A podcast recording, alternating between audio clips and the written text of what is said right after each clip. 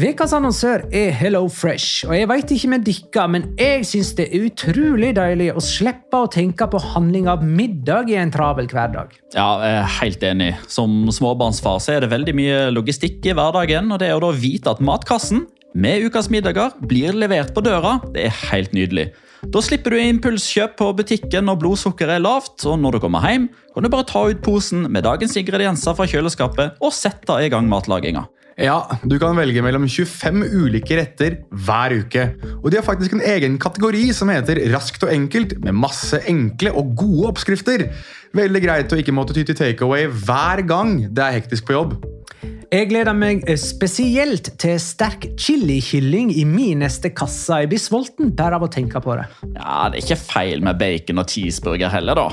Og det som også er bra, er at matkassen koster det samme hver uke, som gjør det enklere å holde matbudsjettet.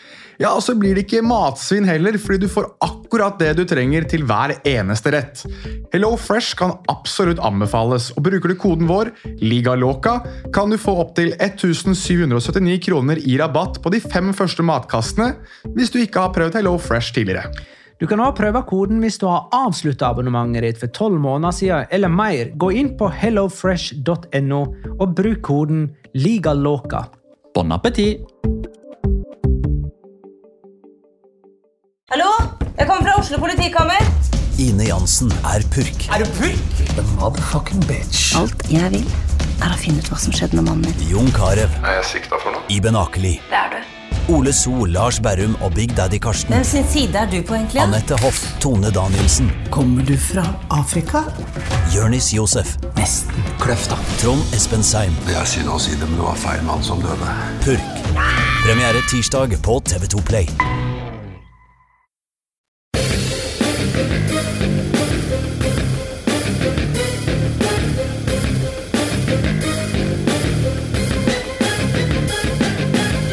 Har? Det var 15 poeng mellom laget før avspark i El Clásico, i favør av det laget som skulle tape 4-0 på hjemmebane. Barcelona leika seg med serielederen i Madrid og vant sitt første Clásico på tre tunge år med en forestilling som sendte fansen et tiår tilbake i tid. La liga loca. En litt gærnere fotball. Ja, ja, ja. Dette er La Liga Låka, episode 100 og Nei, vent nå litt. 100 og 100? Eh, la, dette er La Liga Låka episode 200 av det ordinære slaget. Altså, Ting setter seg eh, sånn i ryggmargen. Man blir så vant til å si sånne vante ting at eh, dette eh, kommer ikke til å venne meg til at vi skal på 200-tallet. Hei, neste uke så er det episode 101. Ja, det blir sånn. Det blir det. det, blir det. Du har jo sagt eh, 100 og et eller annet eh, 99 ganger, så jeg skjønner det godt. altså. Eh, vi har allerede feira vår 200. episode med å se El Clásico på ball i Oslo i går, sammen med eh, flere av våre lyttere. Det var veldig hyggelig. Det var ganske mange. Det var veldig mange. Mm. Shalom in the home, for øvrig, Så så har jeg sagt det. Å ja, det har jeg glemt å si. Eh, Dette er eh, episode 200 av det ordinære slaget. Med Jonas Giæver, eh, hei. Shalom in the home! Jona, eh, Petter Wæland, hei. Hei! Og Magna Kvalvik, hei. Hei, Magna. Hei, Magnar. Åssen er formen i dag? Eh, Helt eh, fin. Ja? Fin minus eller fin pluss, eller bare fin? Nei, fin minus, men det er for at jeg har så mye å gjøre. Ja, nei, det, Det, det er ikke av at det ble for seint eller for mye på ball eh, i går kveld. Skal vi sette i gang eh, med runde 29 kamp for kamp? Ja! Er det ikke det vi er her for? Jo. Da kan vi vel trygt si at vi sparte det beste til slutt. Ja, det kan vi si. Ja. Det syns jeg um, Jeg vet at eh, jeg tror det der kan bli en av de kjappeste kamp for kamp-gjennomgangene du noen gang kommer til å foreta deg, Magnar. Ok. Atletic Getafe 1-1. Enes Onal eh, skåra først for eh, Getafe allerede i det tredje minutt. Juri Bercice utligna for eh, Atletic. Eh, det vil si at bare Benzema har flere mål enn Enes Onal denne sesongen. Enes Onal har 14 mål, og siden nyttår så er han den som har skåra flest La Liga-mål, med ni. Er det en ny Mancrash, for øvrig? Enes Onal? Jeg, hører liksom, jeg får litt sånn Aritz Adoris-vibber av deg, sånn back in the day. Hver gang du nevnte Aritz Adoris, så hørte, du, det hørtes ut som farger ble litt sterkere, lukter ble litt, uh, litt søtere, holdt jeg på å si. Du vet Den gangen jeg begynte med dette med at uh, Villarreal er en nedrykkskandidat, og Ja. liksom står på det hvert år. Ja. Uh, en av grunnene til det var at de i en periode ga fra seg ganske gode spillere. Eh, eksempel Gerard Moreno. De lånte han ut til Español, og så skåra han sånn 15 mål. og Så fant de ut at vi må hente han tilbake. Og De ga også fra seg Enes Onal på samme vis. Eh, Og Da tenkte jeg at han nå kommer til å bli kjempegod i sin nye klubb. Eh, Men det tok noen år, da. Ja, Og noen klubber. og noen klubber. Men ja, så jeg har hatt Jeg har liksom venta på å ha sin blomstring post real Ja. Og nå skjer det. Venter du fortsatt på Marco Ruben? Sånn, for å dra en annen Det vil, det vil komme. Ja. Hva het han der som spilte i som vi var så oh, Han colombianeren som var der eh, Ja, Det er han som kommer til å sende Barcelona ut av Europaligaen. Rafael Santos Boré fra Ja, Frankfurt. Der har du det. Mm. Eh, siden vi er på Atletic nå eh, Marcelino har ledet Atletic i 50 seriekamper og har tatt 66 poeng. Det er færre poeng enn det forgjengeren hans, Gaisca Garitano, hadde på sine første 50 seriekamper. Eh, Og faktisk er Marcelino blant de trenerne som har færre seire i løpet av sine første 50 seriekamper som Atletic-trener, sånn gjennom hele historien. Ja, Det var bare 15, er ikke det det? Han har 15, 15 seire. på 50 seriekamper. Og så hadde han tatt 66 poeng. Mye uavgjort. 21 uavgjort, da. Ja. Mye uavgjort. Og 14 tap. Ja. Hva var det? Ja. Nei, altså, de er jo et øh, altså, det er Ti seire, elleve uavgjort og åtte tap denne sesongen. her. Det er jo altså, det er stø kurs mot den tiendeplassen, egentlig. Det er, de er jo nå åt, på åttendeplass, altså um, tre poeng foran Osasuna. Og vi vet jo det at Jakob Arrazate skal ha en eller annen sånn skalp til. Og så skal Valencia tape litt, øh, for de skal jo ned på tolvteplass. Ja, så er liksom verden verden i altså, vater igjen. Jo, men altså, du vet at hvis, hvis Atletic blir nummer ni, da er det ett lag som ikke har gjort jobben sin. Altså, Atletic har vært sånn som Atletic skal være, men da er det bare ett lag som har prestert dårligere enn hva de egentlig skal. Det er Celta Vigo, da, som du alltid har på Nei, nei, nei, på- de blir nummer åtte. Kanskje Aha. til og med sju. Seks kan de òg bli. De er elleve akkurat nå. Ja. Nå, ja. Alaves Granada 2-3. Det var 0-0 til pause. Eh, Dette var Granadas første seier i 2022. Og ja Jeg noterte meg den ene skåringen til Escudero i denne kampen. På Ja, den var heil fin. volley på corner. Det var ganske lekkert. Eh, og så var det jo på en måte en kamp som leverte mye mer enn man kunne forutse, vil jeg jo hevde. Eller kanskje ikke før pause, men, men etter. Uh, Granada leda 1-0, Alaves snudde til 2-1. Granada snudde tilbake til 3-2. Uh, Maximiliano redda dessuten en straffe her fra Joselu. Uh, det vil si at Alaves de tar færre poeng per kamp under dagens trener Mendy Libar enn treneren han tok over for Calleja. Husker ikke at Calleja har vært der denne sesongen. her. Nei, Jeg husker, at, jeg husker knapt at Calleja var der denne sesongen. her. Jeg synes at det, det har blitt så altså Alt sammen bare, det blir bare så mørkt så fort det rører Alaves. Eh, Men jeg syns at Granada, eh, fra å gå fra det å være veldig mørke hele denne sesongen, så litt lysere ut. Det oppgjøret, mm, oppgjøret her. Og mye morsommere å se de spille fotball nå. Når det begynner å svinge litt av de offensivt, så mm, er det et lag som man kanskje burde begynne å legge litt etter hvert i den der Elche-potten, eh, med lag som kan prestere bedre enn det man kanskje tror. Så mm, Jeg var i hvert fall veldig overraska over at de tok den seieren her. fordi altså som sagt, hver gang Alaves kom tilbake, så klarte Granada å finne et nytt gir. da. Alaves ligger nest sist. Granada er to poeng over nedrykksstrek på seksteplass. Uh, Elche Valencia 0-1. Gonzalo Guedes, matchvinner for Valencia med sitt ellevte La Liga-mål eh, for sesongen. Dette er første gang denne sesongen at Valencia holder nullen i to kamper på rad. De spilte jo en uh, heseblesende 0-0 mot Getafe i forrige runde. Uh, de er i en brukbar periode, Valencia, faktisk. De har spilt seg til Copa del Rey-finale og har fire seire og én uavgjort på sine siste fem offisielle kamper. Det er deres beste rekke siden 2007. Og så er det vel bare ett baklengs på de siste fire eller fem, og det var et sjølmål. Så- Ja, av Guillamon. Ja. Nei, eh, Nei. Jaume Domenech. Ja. Men eh, jeg bare tulla med den rekka. Så det var ikke, Nei, ikke det bare- 2007, det var det ikke. Nei, det bare føles sånn. Ja, nei, det føles Det føles, Ja, det føles det lenge Forrige gang Valencia spilte fin fotball, i 2007, tror jeg. Det føles i alle fall Ja, sånn. det føles sånn. Ja, nei, jeg, jeg er veldig nysgjerrig på hva du tenker, Petter. Du som på en måte har um, saget Valencia sånn spillestilsmessig de siste par um, ukene. Altså, Ja. Take it away hvis du har noe mer å legge ved. Altså, det er jo, jeg er helt enig med deg, det er ikke noe gøy der. Ja, altså, det blir hakk i plata. Altså, det, det er ingenting som har endra seg. Altså, de, de spiller på en måte som de ikke bør spille på når de ikke eier det. Eh, Det kommer til å si fram til de faktisk begynner å eie det. Da skal jeg hylle det. Ja, men hvordan begynner man? Må de, må Nei, skal ikke ha den debatten ikke den der debatten igjen? igjen. Nei, jeg bare spør, må, de, men jeg bare spør, må det være en kommunikado offisial der vi sier at nå eier vi det? Må, hvordan, jeg bare lurer på når er det man eier det? Jeg, jeg vet ikke. Når uh, Pepe Bordalas innrømmer at han holder på med det samme i Valencia som han holdt på med i Retafe. Så en uh, kommunikado offisial, med andre ord. Eller en vanlig pressekonferanse der han faktisk svarer det han mener, ikke det han uh, tror at folk vil at han skal si. Valencia er nummer ni på tabellen og kjemper med Osasona og Atletico om å være La Ligas mest middelmådige lag. Ja, du må ta, hvis du skal inn på middelmådighet, da, så må du fall nevne hvordan den scoringa her kommer. Altså, det syns jeg, jeg er greit å ta med. Altså, den scorer, det er jo en Det er en uh, locora. er, er det noe du har? Ja, men Da skal du få lov til å ta det etterpå. beskrive den litt seinere. Da gleder jeg meg til det. det var rundens styggeste mål, såpass kan vi jo si. da. Ja, det er enig med deg. Osasuna Levante 3-1. Eh, Avila, Bodimir og Brasanats Jeg tror det er sånn man sier det. Jeg er ikke sikker.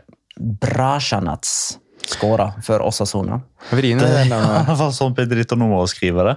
Ja. Og hver gang han skriver det, så får han altså, Jeg syns jeg er overraska hvor lite replies han har sånn generelt. For han legger ut eh, kanskje sånn 18 tweets per La Liga-kamp. Eh, før, under, etter. Eh, og han har veldig mange følgere. Eh, men det er liksom veldig sjeldent at folk liksom svarer.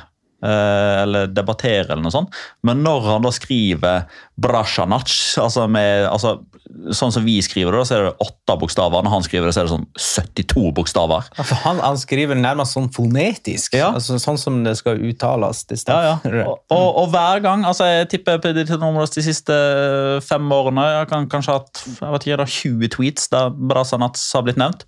Fullt av replies. Men liksom, hvorfor skriver du det sånn? Hvorfor skriver du det sånn? Det er ikke sånn det skrives. Tulling!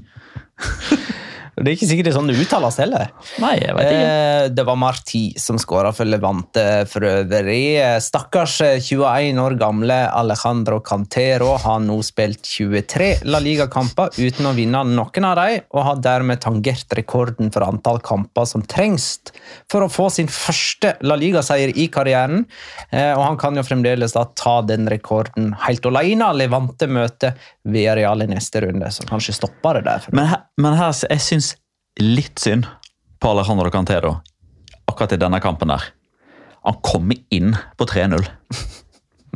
De vinner kampen 1-0 så lenge han er på banen. Ja, det tror jeg ikke statistikerne kommer til å bry seg så veldig mye om. Nei da, Men det er jeg, bare, jeg bare legger den der. Men tror du det er litt um, ja, jeg, jeg tror ikke vi tror det oppriktig, men jeg får litt den der Inyaki Williams han, han skal ha den rekorden, Ja, det er litt liksom. sånn Inyaki Williams da, Han har blitt dyttet innpå de siste fem minuttene bare for at den der rekka han skal gå litt lenger. Det hadde vært litt sånn gøy hvis det kommer fram i ettertid at det er sånn Ja, vi taper jo, så kanskje vi bare Ja, skal men- passe på at de får en rekord der. Her, her ser jeg for meg et eller annet. Altså, det, vi begynner å nærme oss uh, slutten av sesongen. ikke sant? Levante begynner å bli så små desperate. De har kanskje 1-1 da mot Villarreal.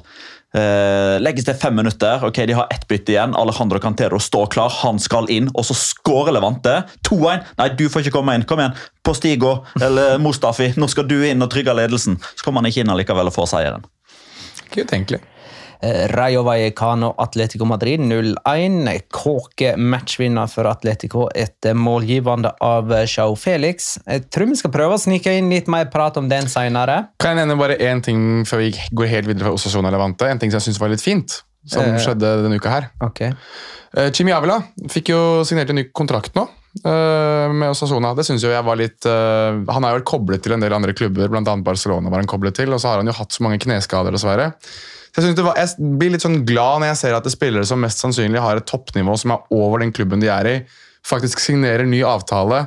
Eh, litt også tror jeg på lojalitet her, fordi mm, de har jo stått med Chimiavela gjennom, gjennom de to kneskadene han har hatt. Så mm, litt hyggelig. Litt sånn ting som gjør at jeg eh, blir litt emosjonell av å se sånne hyggelige gester, kan vi kanskje kalle det. Uh, Rayo Vallecano Atletico 0-1, den nevnte jeg, og så sier vi litt mer om den senere.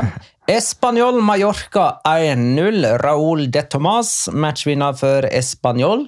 Ingen skåra kampens første mål oftere enn Raúl de Tomàs. Han og Benzema har gjort det sju ganger. Uh, Mallorca har tapt seriekamp, uh, seks seriekamper på rad og er plutselig på nedrykksplass fordi at Cádiz slo Villarreal senere samme dag. For øvrig, Español-keeper Diego Lopez må jo være blant de keeperne som blir bytta ut flest ganger i løpet av en sesong. Sånn gjennom, hvor, hvor ofte er det at keepere blir bytta ut to kamper på rad? Og Forrige gang så var det vel etter sånn 70-ish, eller noe sånt. Denne gangen så var det pausen. Så, Ja.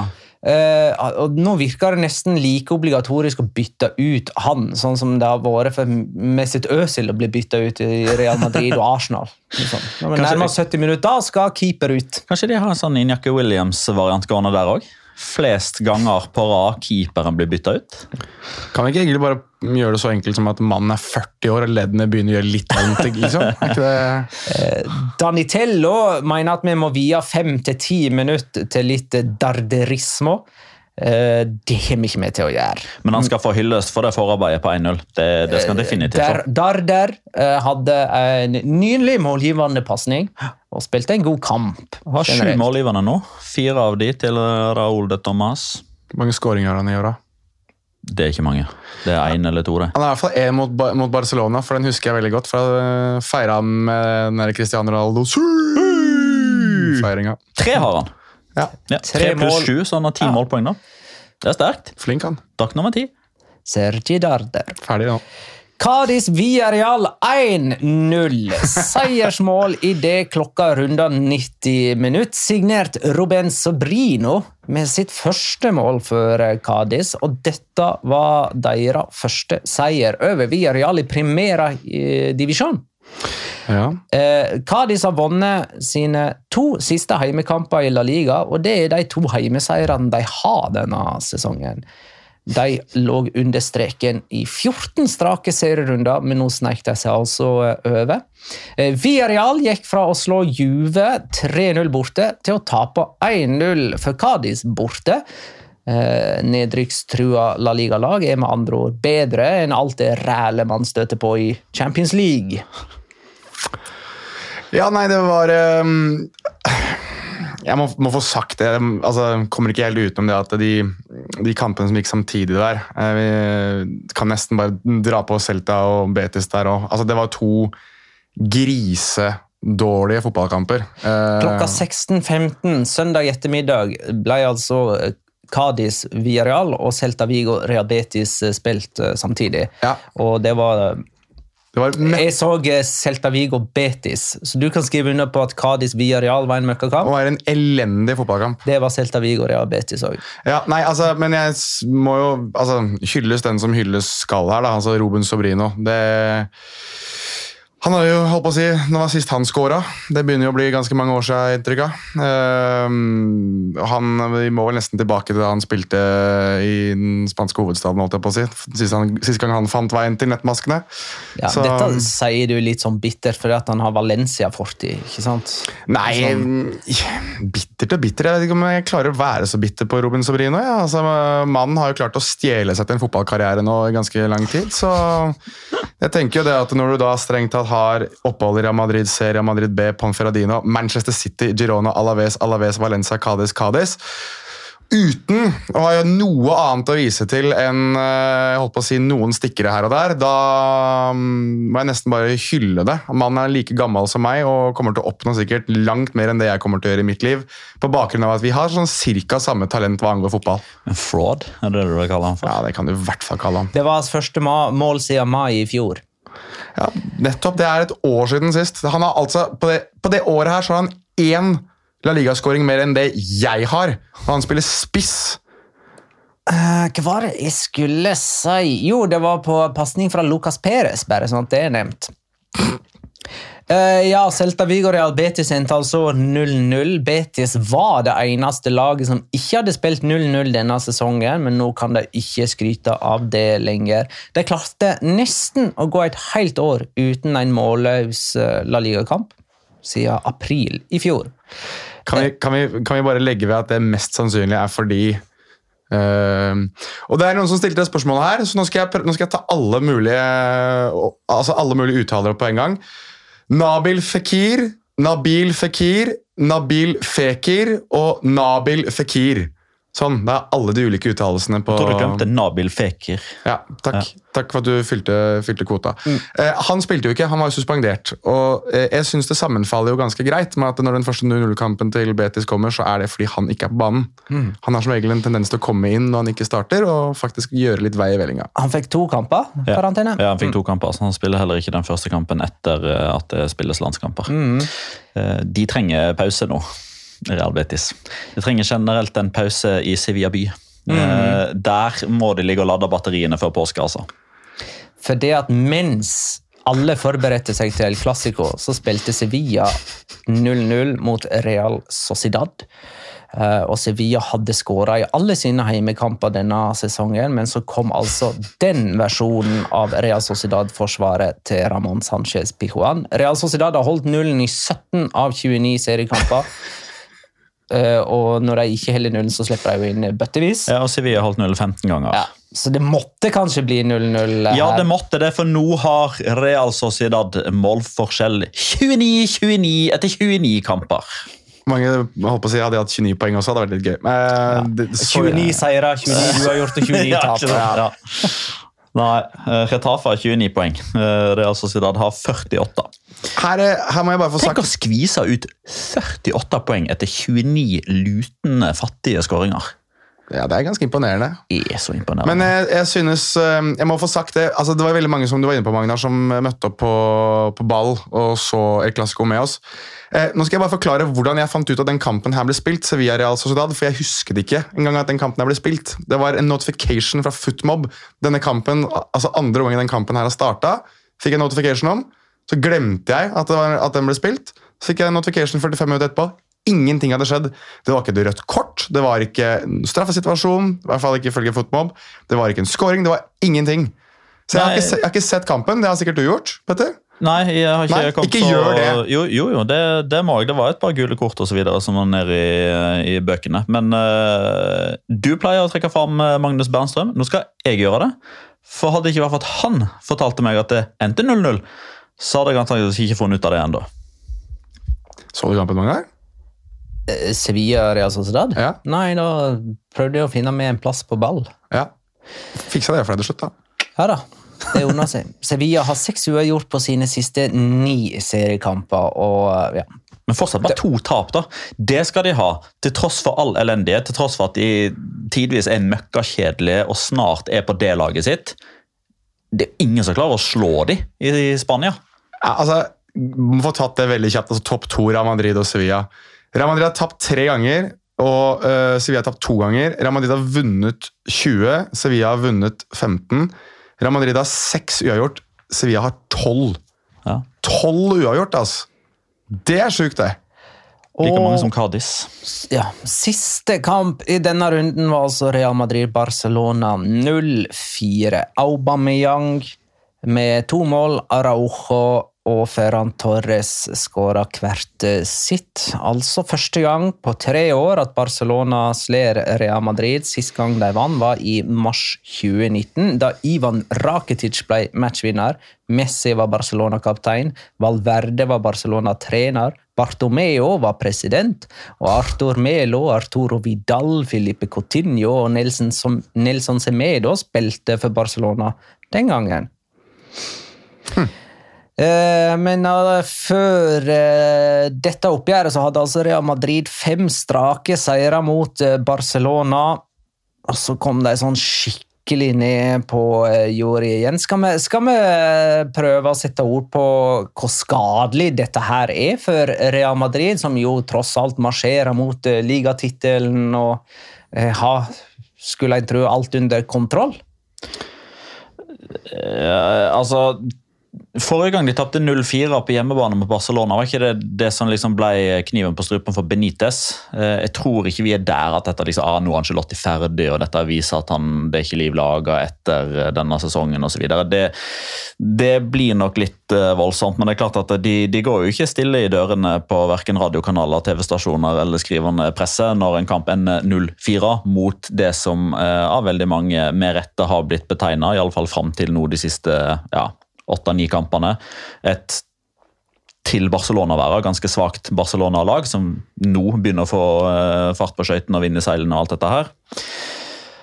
Men det er jo ganske mange som har påpekt gjennom sesongen her eh, hva som har pleid å skje i sesongene til Angelotti. For det pleier å begynne å briste og bære litt i seriesammenheng eh, når det kommer februar, mars, april når man skal kjempe på de to viktigste frontene, så pleier man som regel å enten prioritere, eller som en konsekvens av at man gjør det bedre i Champions League, så ender man opp med å prioritere Champions League.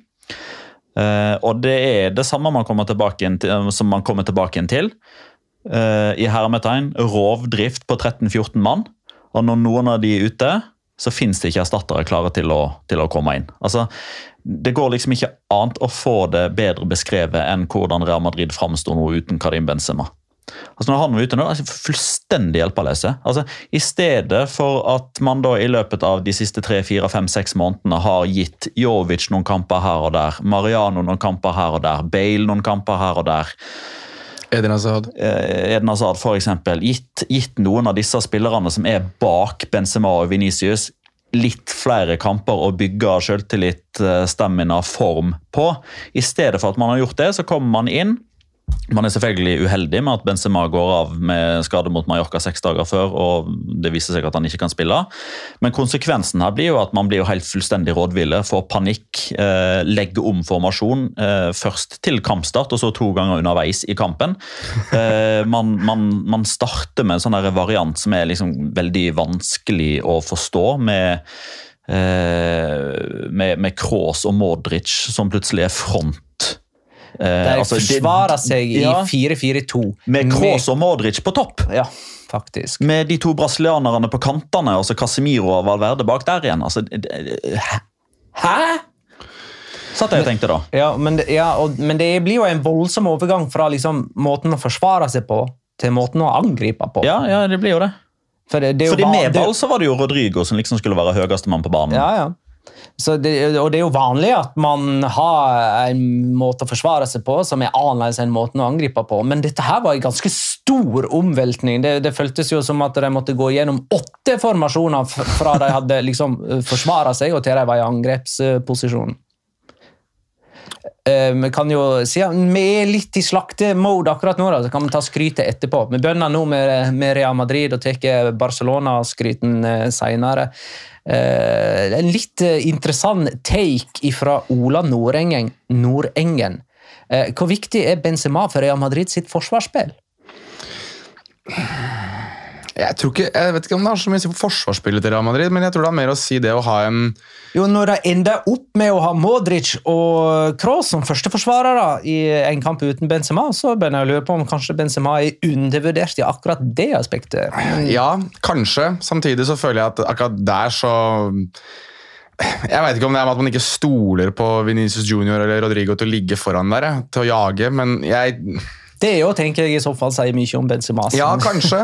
Ja, muligens. Jeg synes, men jeg syns at eh, Jeg vet liksom ikke helt om det er fordi at skoen trykker så veldig der, jeg, da. Men uh, det, det, jeg tror at Benzema er veldig veldig undervurdert på, er hvor god han er som lederstjerne. Altså, sånn, altså den, den, signaleffekten man får av å ha en type som Karim Benzema på banen. i det at så ikke jeg begynne med den floskelpraten og lage en gimmick ut av det, men det at han er en, en, spiller som er helt enestående i de virkelig store kampene. Altså Han har bevist det gang etter gang, og da er vel det også litt det å ha han helt foran der. Det tror jeg gir selvtillit til de rundt, uh, både når det kommer til det å presse, det ligger i riktig formasjon, det å vite når man skal kontre osv.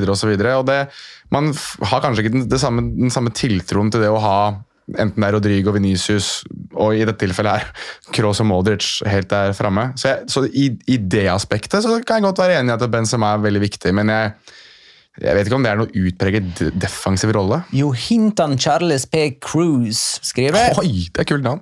Ja, eh, jeg har nok nevnt han før, men det er mulig jeg har uttaler det annerledes. Ja, det er kult uansett, syns jeg. Eh, Hvordan kan en så rutinert trener som Angelotti bomme såpass taktisk i en kamp som El Clásico? Uh, og det er litt moro, for det at uh, Til andre omgang så la vel uh, Angelotti om til tre bak. Ja. Eh, og etter hvert så bytta han ja, Gikk han vekk fra den løsningen òg, og endte opp med å ha en forsvarsfirer med eh, Militao og Casemiro som de to sentralt. Har Angelotti sjøl uttala noe etterpå? Han tar sjølkritikk, eller Ja, Han har vel sagt at det, det var hans feil at Real Madrid tapte kampen. Ja. Eh, om det var sånn José Mourinho-variant, det, det vet jeg ikke helt ennå. Um, det er um, Altså, jeg ser liksom bare Marka liksom bare begynner å skrive nå at Angelotti liksom følger i fotsporene til Zidane osv. Med at man begynner å, å, å skrante litt på slutten, at man ikke klarer å forvalte disse unge spillerne. Igjen så blir Kamavinga trukket fram, og at man ikke får det beste ut av Valverde. og Jeg syns det er litt gøy at man stiller spørsmålet eh, Er det rart at eh, en trener som Carlo Ancelotti ikke klarer å eh, mobilisere mer taktisk i en kamp som El Clásico? Vel, José Mourinho har, eh, har en 0-5. Eh, Juan de Ramos vel, var vel han som var trener på 2-6. 2-6, ja. Så det er, det er liksom dette er ganske meritterte trenere, de òg. Og det er vel sikkert Jeg husker ikke hvor ille det ble for Loppetegi da han trente Real Madrid og tapte mot Barcelona. Hva var det for den? Var det 0-3? 0-4 der også? Nei, den var det jo Benitez som hadde. Benitez som hadde det, ja. Ja. Ikke sant? Rafa Benitez. Så det er liksom Det er litt sånn rart å si, men jeg, jeg følte, altså dette føltes som en klassiko fra gamle dager av. Altså, sånn, den her har jeg sett før, på en måte. Eh, når det ene laget virkelig skal tape, så skal de virkelig tape òg, og som regel så er det Real er så- Madrid. ja, og, og det, er, det er litt sånn små fascinerende. Eh, jeg tror det var La Liga Enoma da, som hadde en sånn statistikk over eh, Jeg husker ikke om han la lista på tremålsseire eller firemålsseire, men det var sånn typ 10-3 til Barcelona i Ja. utklassinger. Ja, ja. Utklassing i El Clásico. Geir Halvor Kleiva spør hvordan eh, Real Madrid-supporterne på ball tok dette nederlaget. Ja, det Jeg ble jo Nå husker jeg dessverre ikke hva disse to gutta het, men det var jo to der jeg satt Jeg satt jo helt bakerst inne på det ene rommet, så jeg fikk jo se hvor de ulike supporterne satt. Og det var jo til min venstre så satt jo Real Madrid-supporterne, som for øvrig var de kjappeste til å forlate lokalet da kampen var over. Eh, som jeg forstår veldig, veldig godt, men de satt jo armene i kors. Eh, den ene i Marcello-drakt og den andre som hadde Real Madrid-skjerf. og De satt jo bare og rista på hodet. Det, det, jeg tror, det jeg tror var verst for, for disse supporterne, også min kollega Magnus Gjestrøm Larsen, som også var der og hadde på seg Real Madrid-drakt, var det at det, det som gikk igjen, var at det her er jo fortjent. Altså, det er ikke det at det er det er det at eh, de flakser seg inn skåringer osv., men de, de ble jo pissa på. Altså, Real Madrid ble jo virkelig driti ut. Den samme kollegaen din, Magnus, eh, Ja, sa var- til meg at eh, det føltes som å gå tilbake til disse her 5-0 og 6-2-tapene, der alle skulle bli Barcelona-supportere etterpå. Ja. Ja, jo, men altså um, Jeg husker altså det, det er det som er altså både bra og dårlig med å ha vært på et sånt arrangement. Man husker ikke hvem som sa de forskjellige tingene. Jeg husker ikke hvem jeg satt og snakka med eh, da liksom dette her kom opp som en sånn greie. Men eh, vedkommende sa noe som brått liksom kan vise seg å stemme at på, samme måte som at den 2-6-kampen, det var liksom Ok, greit. Der starta Pep æraen sånn Ja. ordentlig. På samme måte så skal du liksom ikke se bort ifra, da. Dette er selvfølgelig sett med eh, et perspektiv eh, som, eh, som starter i Catalonia. da. Dette er nok ønsket til Barcelona-supporterne at om ti år så ser man tilbake igjen og tenker mars 2022. Det var da. Der, der ble Chavi sitt Barcelona født. Og 2-6 det var den første klassikoen til Pep på Santiago Bernabeu. 0-4 her nå er den første klassikoen til Xavi på Santiago Bernabeu, som for øvrig da er den eneste fotballspilleren i hele verden som har vunnet på Santiago Bernabeu med fire mål, både som spiller og trener. Xavi, ja. Mm. Xavi. Interessant. Den var fin. Eh, nå har Barcelona skåra fire mål mot Atletico Madrid, Valencia, Napoli, Atletic Club, Sassona og Real Madrid i løpet av en eh, drøy måned. Alle disse kampene etter at Aubameyang kom til klubben, tilfeldig eller ei. Ja, der må jeg bare få lov til å ta ordet med en gang og si at eh, Pierre-Emerick Aubameyang, jeg beklager, ass. Er, sorry. Den kampen her jeg, løp, jeg gjorde jo en gimmick ut av det på ball og sa det at jeg alltid sagt at Aubameyang passer Barcelona. da. Aldri tvil på det. Never in doubt. Never in doubt. Nei, altså Jeg òg har vel en beklagelse å komme med der, føler jeg. Jeg tror alle har det, med tanke på at han ikke nødvendigvis ikke så ut til å liksom passe inn i Barcelona sitt ønske om å spille sånn vanlig Barcelona-fotball. Men, men det gjør Jeg syns heller ikke den jeg synes heller ikke den der El Clásico-kampen i går var sånn kjennetegn for Barcelona de siste 15 årene. Det var ikke Nei, nei. prototypen av en Barcelona-kamp. Det der, altså. Nei. det var det ikke. De har her er- veldig mange fine strenger å spille på nå. Og det er det som gjør de så uforutsigbare. Har jeg leser analysen til Michael Cox i The Athletic? Nei, ikke Nei, han eh, fokuserer på måten Barcelona bruker vingene sine på nå. Eh, For de ligger mm, helt ute på sidelinja, og det er om å gjøre å få ballen ut dit så fort som mulig. Gjerne med en langpasning fra midtstoppere. Ja. Så nå er det vingspillet, og ikke dette her eh, tette, sentrale midtbanespillet som jo Ah. preger Xavi Men- sine aktive Ja, dager. men, men, det, men det er litt interessant hvordan fordi altså Fotball er jo altså På en måte så kan man uh, simplifisere det noe voldsomt og si at det er 11 mot 11 om å få ballen i mål. Og så kan man bryte det ned til hundretusenvis av valg og detaljer i løpet av en kamp. For jeg har lest analysen til Marka, uh, og de trekker fram eh, de breie vingene til Barcelona som òg er sånn nøkkelpunkt, men det var, liksom, det var sekundært. Fordi det man oftest søkte, det var å få Pedri og Frenke de Jong inn bak Luka Modric og Tony Cross. Fordi Venicius og Rodrigo, den jobben som de ble Ikke gjør. satt til å gjøre, og som de ikke er vant til å gjøre, og som de da ikke har øvd på å gjøre, og dermed ikke gjorde spesielt godt, nemlig å trekke inn, sentrere, eh, sørge for at man ikke får fri korridor til å spille den ballen ut til Ferran Torres eller Osman Dembélé. Så De to tingene henger jo godt sammen, men samtidig så er det jo også som Magna trekker fram, som Michael Kokstad har skrevet, de har også den langpasningen fra Piquet eller Araujo rett ut. Og det var, det var litt sånn småsjokkerende å se hvor lett Real Madrid ble avkledd. synes en ting, en ting som også ble veldig klart for meg, og som jeg sitter sånn Jeg skulle likt å se et parallelt univers der Fella Mendy faktisk var klar og, og kunne ha kanskje utfordra Dembélé litt grann på fart. Fordi, altså Hvis du skal snakke om avkledning av en fotballspiller, altså fullstendig kliss naken eh, Det Osman Dembélé gjør, spesielt med Nacho på den første skåringa Altså jeg, igjen, Og Bjørn Hjelmeset ville nå sagt at han var ganske naken. ja, jeg må få sagt, Petter sa jo, sa jo dette da vi spurte hvordan blir det med Dembélé nå etter overgangsvinduet. Eh, og Petters var vel den som sa av oss at han kommer til å bli eh, en viktig brikke for det å kunne kvalifisere seg til Champions League. Jeg sa jo han kommer ikke til å spille en kamp igjen for Barcelona, så egg on my face. Men altså, det Dembélé gjør nå, og sånn som han eh, ydmyket det Real Madrid-forsvaret ved par anledninger, spesielt Nacho, er noe av det råeste jeg har sett på lang tid. ass. Jeg satt, jeg satt bare rista på huet. Satt ved siden av Ole Aasheim på ball. Vi satt og så på hverandre. på- Det her er jo helt sinnssykt. Eh, Sju mål i nå på de siste fem. Ja. Nest flest i ligaen. Kun Benzema har flere. Jeg tror ikke Benzema har flere, jeg tror det er like mange. Det spørs hvem du spør. Ja, riktig. Jeg, spør, jeg har nok spurt Pedrito, eh, Pedrito Numeros, eh, og han sier at begge har ni. Ja, jeg har Benzema på tolv. Oh, Så- såpass. Det er det jeg har lest òg. Dembélé har altså ni målgivende denne sesongen, og sju av dem har kommet i løpet av de siste fem. Ekstrem. Eh, David Sørhaug lurer på om det finnes noe som helst mulighet for at eh, Dembélé signerer ny kontrakt. Ja, det, det vil det jo være. Fordi nå er alt rosenrødt igjen. Han er skadefri. De har 13 på rad uten tap. De har uh, slengt Real Madrid veggimellom. Joan Laporta går og smiler. Matteo Alemany går rundt og smiler og er genierklært. og Altså, dette, eh, dette lukter litt sånn ny kontrakt, nå. Med at uh, sorry for at vi eh, Oi, nå skal du si noe, Jonas. Og ny skade. Ja, ja, vi snakker jo Osman Dembélé her. Han signerer ny kontrakt. Det kommer til å gå to-tre kamper til. Signerer ny kontrakt, og så skadesatt.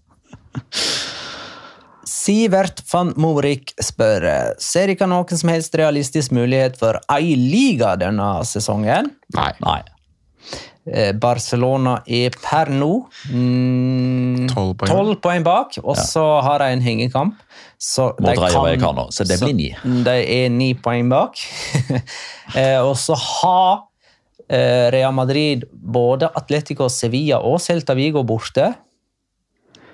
Ja. Jo, men De er favoritter i alle de tre kampene. Det kan Ja, ja. at de liksom strør av seg poeng her og fra. da. Men, men, Men la oss si de taper én av de kampene, og så er, og så er det plutselig seks poeng. da. Ok, ja, men, okay men, men dette her er et liksom todelt spørsmål. Altså, Om spørsmålet er får vi ei liga, det kan godt hende. Vinner Barcelona ligaen? Nei. Nei. Det kan hende det på et tidspunkt blir litt sånn småspennende, Ja. men Real Madrid vinner til slutt. Altså, for å si det sånn da, Barcelona har ti kamper igjen å spille. De kan ta 30 poeng. Hvis de makser sesongen ut nå, vinner ti på rad, ganske usannsynlig, ganske usannsynlig, så havner de på 84 poeng. Da må Real Madrid ta 18 poeng. 17 poeng. 19 poeng. 19 poeng.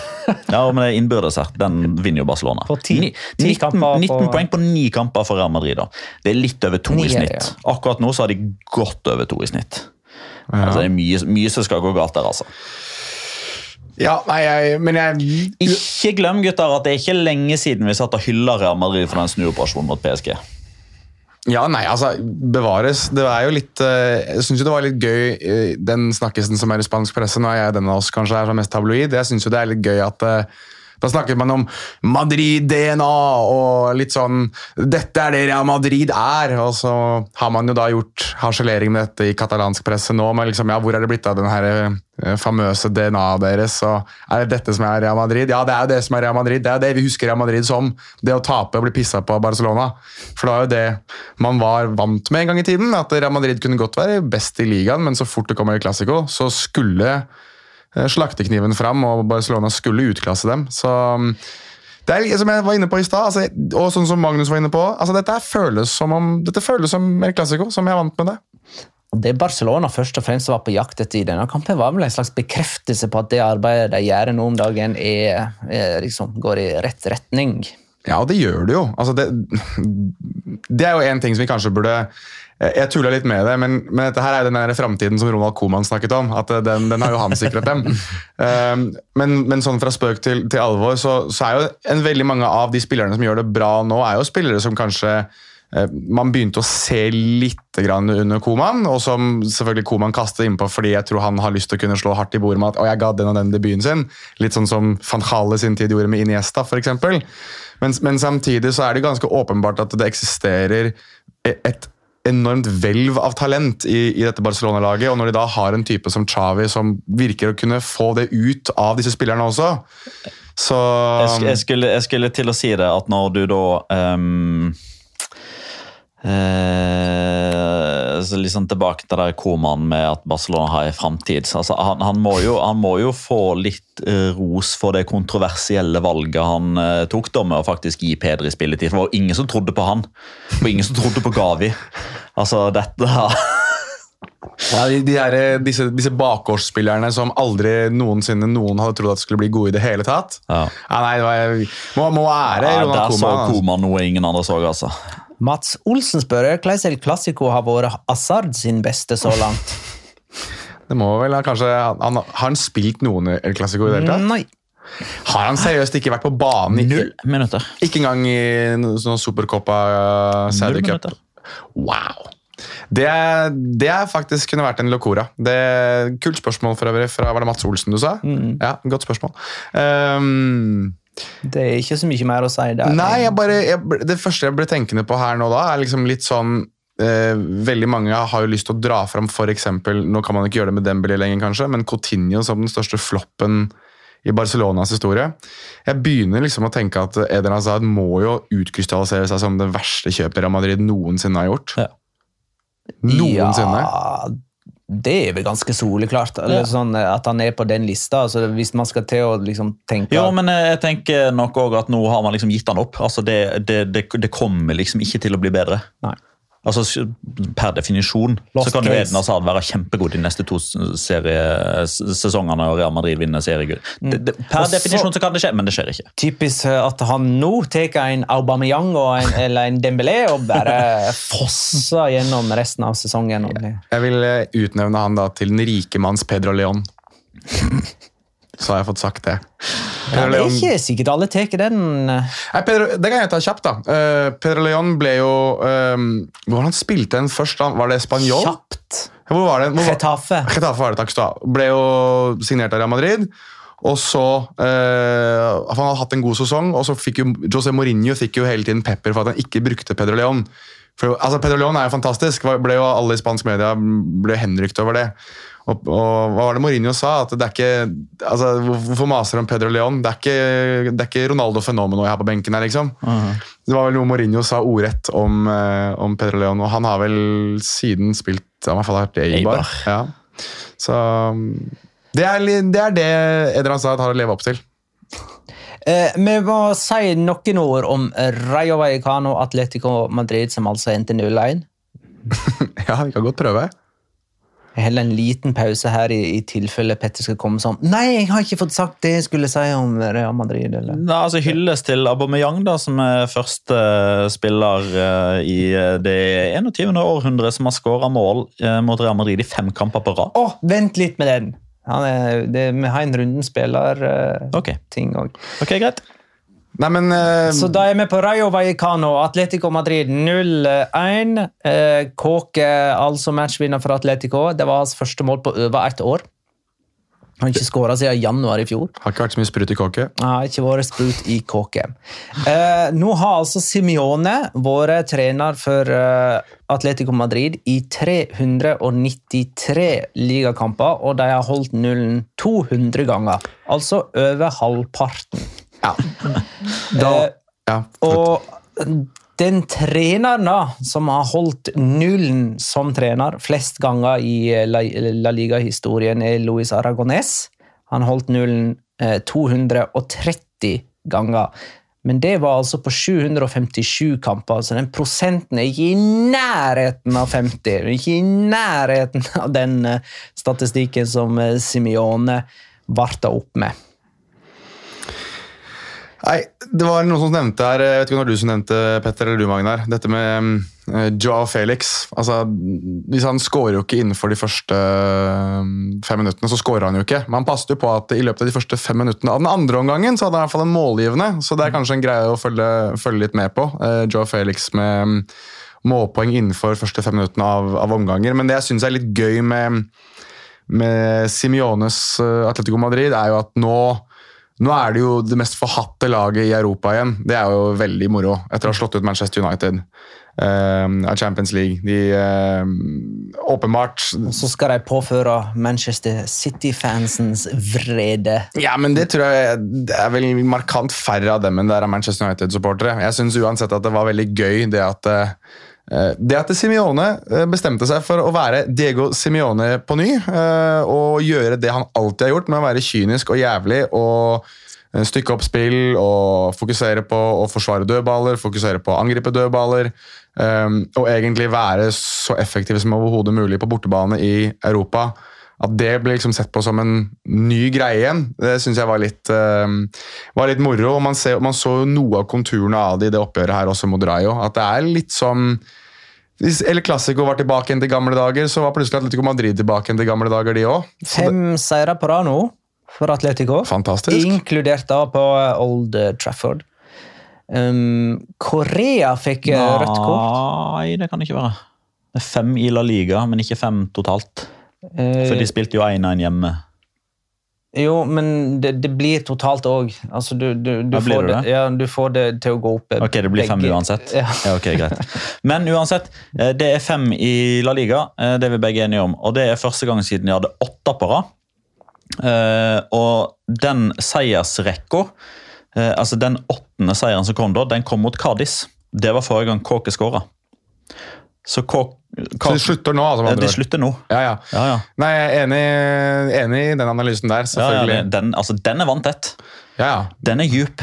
Kommer aldri noensinne til å kunne motvise den der. Skal vi se hvem vi skal sette penger på om to uker. da? Skal vi se, Atletico Madrid. To uker. Alaves, faktisk. Ja, ja, men, det, ja, men hallo! Ja, ja, ja, det er helt Det gir riktig, det. det. Ja, ja, ja. Det gir veldig mening. Nei, men jeg, jeg vet også at det er noen som har stilt spørsmål om kommer Rayo Khan noensinne til å vinne en fotballkamp igjen. Christian Halvorsen. Ja, synes det er et godt spørsmål, for jeg tror eh, svaret Spørsmålet er konkret om de vinner en kamp resten av sesongen.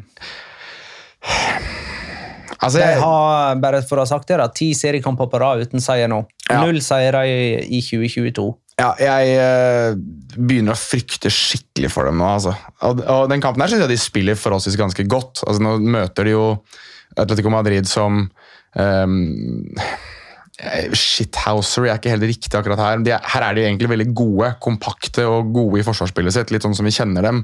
Men jeg syns ikke Rayo Aikane gjør seg bort. og Det begynner man å se litt i flere kamper nå med Rayo. at de, de spiller seg til gode, kvalifiserte muligheter nesten hver eneste kamp. De har bare sluttet å omsette dem. Altså de Um, altså Pasningene til Oscar Trejo sitter liksom ikke. Sergi Guardiola er ikke det verre rasshølet på topp som man vet at skal skåre mål. Falcao var, Skada, skada, skada. han må, altså Jeg holdt på å si han omkommet. Altså Jeg kan ikke huske altså Jeg vet at, tror vi hadde hørt om det. jeg vet at en tiger er en truet dyreart, men nå får det være måte på det. Han kan jo i hvert fall begynne å gjøre noe ut av seg. Altså Randienteka, som jeg og Magna var småforelska i starten av sesongen, har jo knapt uh, gjort noe som helst siden de der to kampene. Han var veldig, veldig god. um, Santi Comesania også, altså, Du kan jo bare nevne i fleng da, spillere som, som um, ikke nødvendigvis bare underpresterer, men bare ikke er effektive i måten de spiller fotball på lenger. Det er um, uh, Det begynner å ligne litt grann på Levante, som vi også var inne på at det spilte veldig god fotball. Spesielt under Javier Pereira. Uh, sankt Javier Pereira. Men, uh, men ikke hadde noen form for omsetning foran mål. altså Det var ikke noe effektivitet. Det er litt det jeg ser med Rayo Vallecano nå, og da tror jeg ja, Hvor langt er det ned? av? Seks poeng. Og de møter Granada borte neste neste kamp. Det, så er, det er en sånn ty skal vi, er, Det er en finale. kan vi begynne med Sekspoengskamp. Ja, takk. Vi kunne begynne med den allerede nå. Sekspoengsfinale.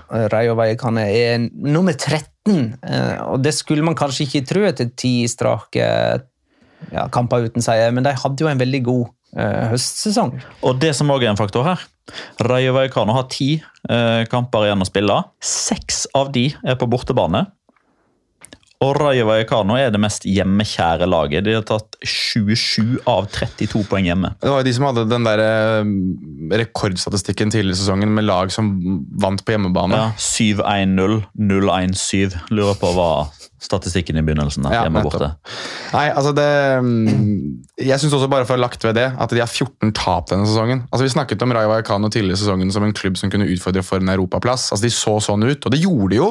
Ja, Det gikk jo som et olja lyn. Um, men ja, nei, altså Raúl Martin Presa har klart å ødelegge den sesongen egenhendig for egen klubb. Det, det vil jeg faktisk mene. Hadde ikke han, og dette er presidenten til Ja, Rayo Vallecano, hadde ikke han nok en gang invitert en sånn der Vox-politiker på tribunen, mens, eh, mens spillerne sto og demonstrerte sin nei til rasisme, eller deres kamp mot rasisme på banen, for det var jo en La Liga-kampanje denne eh, runden. Alle spillere og alle lag hadde en sånn der eh, et standpunkt mot rasisme denne gangen. Og Det var for øvrig litt godt å se. Etter ganske mange uker der eh, engelske lag har gått ned på kne, mens eh, spanjolene har blitt stående eh, på den samme banen. Ja, det var noen som stilte spørsmål om det. Jeg, ikke, jeg tror det var, om det var på Facebook. Eller, ja, det var, det var en som stilte, jeg, Nå husker jeg ikke navnet til vedkommende, men han lurte på hvorfor ikke de spanske lagene gjorde det. Eh, og Det er vel egentlig bare så enkelt å si at det er ikke noe som har vært inne i spansk fotball. Det har ikke vært fotball. ei greie å gjøre. Nei, det har aldri vært noe man har altså, Dette kommer jo fra USA, fra Colin Kaepernick og NFL osv. altså, NFL har en stor påvirkning på eh, engelsk fotball også nå, tydeligvis, og derfor har man tatt inn dette med å gå ned på kne. Han gjorde det under nasjonalsangen i, i NFL-kamper, som spilles før hver eneste kamp. Eh, Men det har aldri nådd Spania. Det har vel egentlig aldri nådd noen andre land enn England. Så det her er en ren engelsk greie som de har fått lov til å praktisere også i eh, Uefa-regi i Champions League-kamper. Men det ser jo fullstendig grusomt ut hver gang de går ned på kne, og så står alle de andre og lurer på hva som egentlig foregår. Men det som er eh, håper å si, catchet her, er jo at jeg mener å huske Det kan godt hende at jeg husker feil, da må noen gjerne korrigere meg, men jeg mener å huske at Sevilla gjorde det eh, mot Westham på hjemmebane. Jeg husker ikke om det ble gjort på, på London Stadium, fordi jeg så ikke de første minuttene av den kampen, fordi da var jeg nettopp ferdig med å kommentere Galatasaray Barcelona. Så noen har jo åpenbart si, blitt med på dette, men eh, om Atletico Madrid har liksom bare valgt å si nei, det standpunktet har ikke vi, eller det pleier vi ikke å gjøre, så vi gjør det ikke nå heller, eller vi tar vårt standpunkt nå til helga. Ja, At Det vi markerer det jeg på et annet vis, liksom. Det, Ja. Det har jo egentlig ikke Ja, det ble nå iallfall markert nå, da. Det var I La Liga-regi. Ja, Det er verdt å ta med hvorfor de har gjort det òg. Det er jo litt viktig, for nå har man jo hatt to nye rasismesaker, men da med hets fra tribunene. Du hadde jo da Carlos Acapo som gikk av banen for Cádiz borte mot Granada og ble hetsa, eh, og sto og snakka med en supporter sånn Så, som, var, som var veldig lett å identifisere. Veldig lett å identifisere. Og det, det som jeg synes var, det som God jobb av produser der, Veldig. som bare outa han noe men, det, voldsomt. men vet du hva, det er spanske produsere er så flinke på det der. Det har de gjort tidligere òg. Jeg husker også da det var noen som sto og hylte bak. Det var vel han godeste um, Åh, hjelp meg, han er jo verdens uh, mest gjenkjennelige type. Han gamle Sevilla-treneren som hadde kreft. Caparos. Caparos, takk skal du ha, Joaquin. Caparros. Da det var noen som sto og hylte om at uh, Esta noche muere Caparros, og så snudde kameraet med en gang fant ut hvem det var som hadde sagt det. Var det på Vallecas?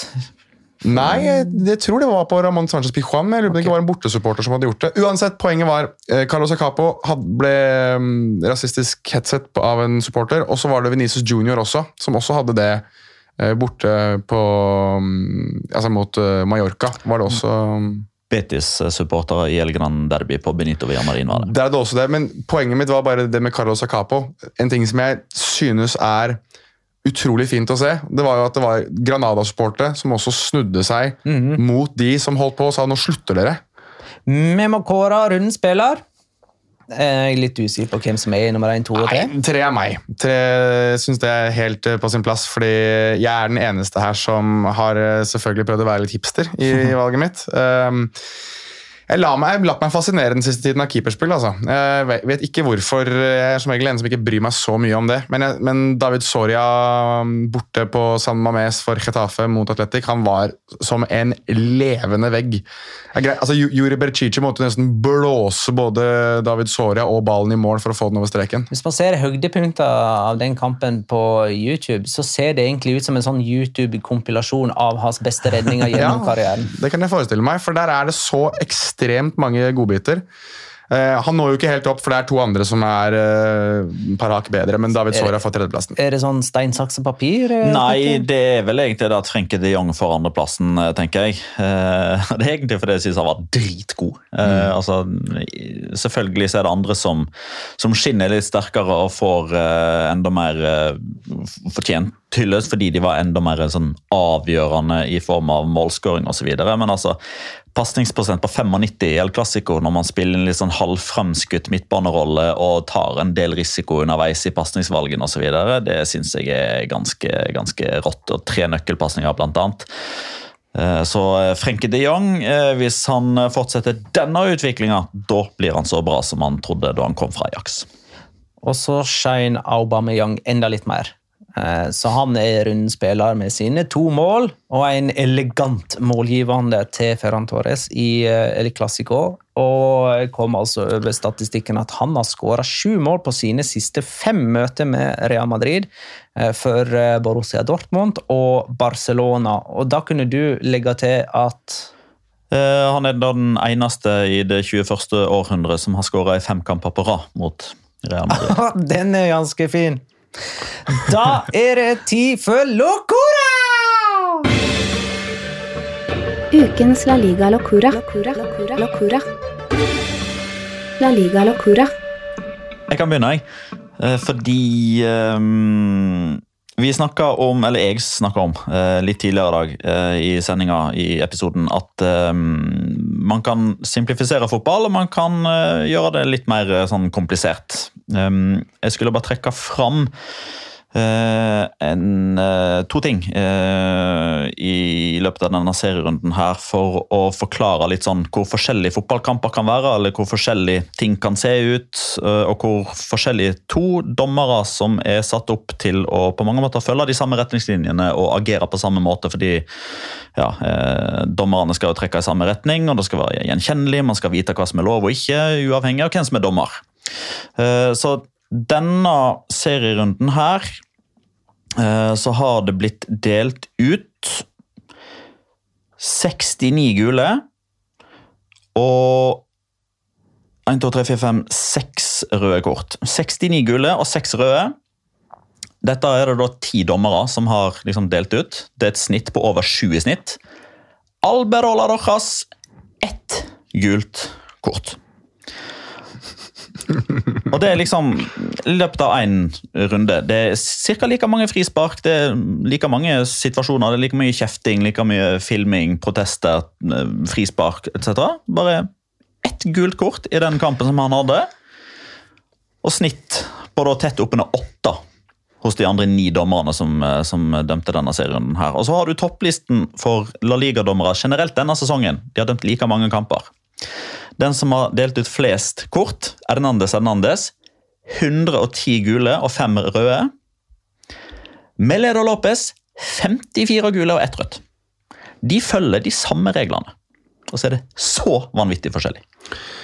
Kan jeg bare få eh, skyte inn at uh, Matteo Laos, hvor alle kjære Antonio Matteo Laos, rakk faktisk, selv om han satt var i El Clásico, rakk faktisk å terge på seg i hvert fall veldig mange Real Madrid-supportere ved at han ikke da tydeligvis har gitt noen beskjed på øret til hoveddommer om å se på den uh, taklinga til Aubameyang, som er det Casemiro han treffer uh, med knottene sine. Så Matheo Laos rakk faktisk å bli eh, å si, public enemy number one i, på, rundt traktene på Santiago Bernabeu, til tross for at han ikke dømte det oppgjøret. Skal jeg eh, som min lokora prøve å beskrive rundens drittmål? eh, Gonzalo Gedes eh, sin matchvinnerskåring mot eh, Valencia. Dette blir en veldig subjektiv beskrivelse av eh, dette målet. Eh, han blir spilt gjennom og er alene med keeper, Gedes altså. Og så har han en Elche-spiller bak seg. Og så kjenner han tydeligvis at det, det er en fysisk kontakt der fra Elche-spilleren bak seg, så det virker som eh, Gedes får dette dilemmaet. Skal han gå i bakken og rope på straffe, eller skal han prøve å holde seg på føttene og avslutte angrepet, siden han tross alt er alene med keeper? Og sånn som jeg oppfatter det, så velger han å gå i bakken men når man skal gå i bakken uten at det er øh, ja, Uten at uh, han faktisk blir felt, da, så må han jo sprelle litt med føttene for å få det til å se veldig overbevisende ut. Så mens han spreller med føttene i fallet, så kommer han faktisk borti ballen og klarer å kne ballen forbi på humpete vis forbi en keeper som ikke skjønner hva han prøver å gjøre. Så i dette her eh, sprelske fallet i et forsøk på å få straffe, så klarer han altså å skåre. Imponerende. Mm. Jeg hadde spansk eh, kommentator på eh, den situasjonen der. Uh, og han Altså, det, blir jo liksom sånn Det blir sånn Vanligvis, da, når det er scoring, gjerne før ballen går i mål, så er de på goal! Altså, den, den kommer umiddelbart. Her var det faktisk sånn ¿Qué pasó aquí? ¿Qué pasó? Es gol! Es goal! Altså, det, det tok seriøst to-tre sekunder før de faktisk skjønte at her er det mål. Den ballen gikk i mål. Ja, men Det skjønner jeg. Det var få som skjønte noe særlig. Uh, og det gjorde man Vi får opp energinivået bitte litt her. og det, Da må vi ta litt av to situasjoner som jeg syns er like gøy, begge to. Vi fikk jo to uh, Petter var inne på dommere her og utvisninger. Vi fikk to utvisninger som er helt etter min smak. Og det er jo eh, Johan Mojica og uh, Angel Correa som begge klarte å pådra seg direkte røde kort for ting som tydeligvis skjedde uten at ball egentlig var i nærheten. Uh, Johan I hver kamp, dette. Hva sa du for noe? To, to, forskjellige lag. To forskjellige lag. Ja, Johan Mojica spiller for Elche, spilte jo mot, uh, mot Valencia, mens Angel Correa spiller for Atletico Madrid mot Rayo Vallecano. Begge ble utvist da for tilsynelatende munnbruk. Uh, Angel Correa har vel egentlig bare sagt at ja, det er greit, denne her tar jeg. Han uh, ropte i retning dommer Monuera Montero La concha de tu madre, som enkelt greit betyr fitta til mor di. Fikk direkte rødt kort, kan zone, måtte sone fire kamper, var iallfall siste jeg leste. Uh, fordi rett og slett han gjorde ingenting for å gjemme at der skulle han hyle og skrike til Monuera Montero. Uansett. Og han har spilt 88 offisielle kamper på rad. Ja, ja, men uh, det er bare å glemme nå. Det, han er drittlei, han trenger seg en pause. Tydeligvis. Men jeg syns uansett at uh, Johan Mokika sin situasjon er enda morsommere. For der er jo Elche ute nå og prøver å redde sin kjære, sitt kjære hurtigtog. Uh, enten han spiller på kant eller wingback eller hvor den måtte være. For han får fire kamper. For han får fire. For å, han ble utvist av dommer Ortiz Arias for å, ifølge dommerrapporten, hyle Mekago Eller nei, Eres un hijo de puta. Du er en horunge, mener dommer og har hørt at Mojica har skreket til ham. Men og dette her er da kontraen til Elche. Det er jo ikke det han sa. For de mener at eh, Mojica skrek ut i sin rene frustrasjon Mecago en la puta. Jeg driter på hora. Hvems hore? Hans hore? Din hore? Min hore? Hvems hore? Ingen vet hvems hore det er! Veldig sofistikert uh... Men en eller annen hore har blitt bæsjet på av Johan Mohica Da kan man altså ikke ta dommeren på hore? Kan ikke ta dommeren på hore. Vi tippa jo forrige Explicit, for så vidt. Det Dette her er explicit content. Vi pleier ikke å sette det der explicit-merket på episoden. Nei, den her burde vi kanskje gjøre det på. Episode 200, explicit. Den er helt grei. Nei, nei, nei, den kom ut så seint at når folk hører dette, så er dette legitid. Ja, Sånn watershed, er det det vi har fått sånn nå? Ja, bra det. Det vi tippa på eh, denne helga, det var altså El Clásico, Real Madrid-Barcelona, som endte 0-4 med Aubameyang som første målskårer. Eh, Jeg hadde 2-1 til Real Madrid med Benzema som første målskårer. Jonas hadde 1-0 til Real Madrid med Benzema som første målskårer. Og Petter hadde 2-2 med Ferran Torres som første målskårer. Det er null poeng på hele bølingen. Jeg fikk et dårlig betalt for. Ja, Ferran Torres skåra. Ja, og de tok poeng. Mm. Jeg har vært med på å lage reglene, så jeg er ikke butthurt i det hele tatt. Jeg har ingen neste kamp, eh, for det at det er landslagsveka. Mm. Ja, vi, Så- vi Gjør vi noe gøy der, eller gjør vi ikke noe gøy der? Kanskje, kanskje ikke. Den som lever, får se. Ja. Kommer, jeg hører at det er noen greier som muligens kommer på fotball-TV etter hvert. da. Ja, det gjør det. Ja, Ja, nei, jeg, jeg, nå ble jeg, jeg er ikke helt sikker på hva vi ble enige om. Nei, det, eh, kommer, det kommer et eller annet. Det kommer det blir spennende. Det blir spennende. ok. Det Eh, betyr at folk må følge med, og de må også følge med Magnar, på patreon.com. slash La Liga Loca. Der er det ny Bantolero ute. Der er det faktisk Valencia, som potensielt også blir, uh, også blir tema framover. Der har vi satt opp en elver med de håper å si, rareste, morsomste, dummeste, dårligste eh, spillerne som har vært innom Valencia. Kan røpe såpass at det er undertegnede som har plukket ut disse elleve. Det leder jo oss til en del ulik eh, moroskap. Så det syns jeg folk skal gå inn og abonnere en femtilapp på. Det, syns- etter 200 episoder så syns jeg vi fortjener en femtilapp fra den kjære lytter. greit, da runder vi av der. Tusen takk for at du lytta. Kan jeg si en ting til? Helt på slutt, helt til slutt? Se, dette har jeg hatt lyst til å gjøre og skyte inn. Jeg vil egentlig bare gratulere dere to, og for så vidt meg også, med å ha nådd 200 episoder med det rælet her. At vi har klart å holde på så lenge. Det syns jeg egentlig at vi, må, vi burde unne oss en liten, uh, liten klapp på skulderen for å ha klart det. Jeg tror Da vi startet dette, her, så var jeg sikker på at dette her kommer vi til å holde på med kanskje en sesong. Og deretter kommer vi bare dritt lei av hverandre. Og vi har rukket å bli dritt lei av hverandre, og fortsatt har vi kommet, uh, kommet til 200 episoder. Og bonuser og turer og Patron og Twitch og gud bedre hva vi ikke har gjort. Fotball-TV.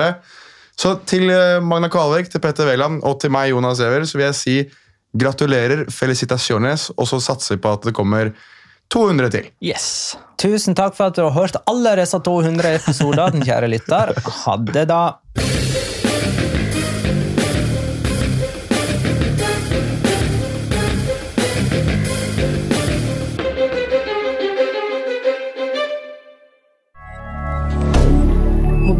Media. Har du et enkeltpersonforetak eller en liten bedrift? Da er du sikkert lei av å høre meg snakke om hvor enkelt det er med kvitteringer og bilag i fiken, så vi eh, gir oss her, vi. Fordi vi liker enkelt. Fiken superenkelt regnskap.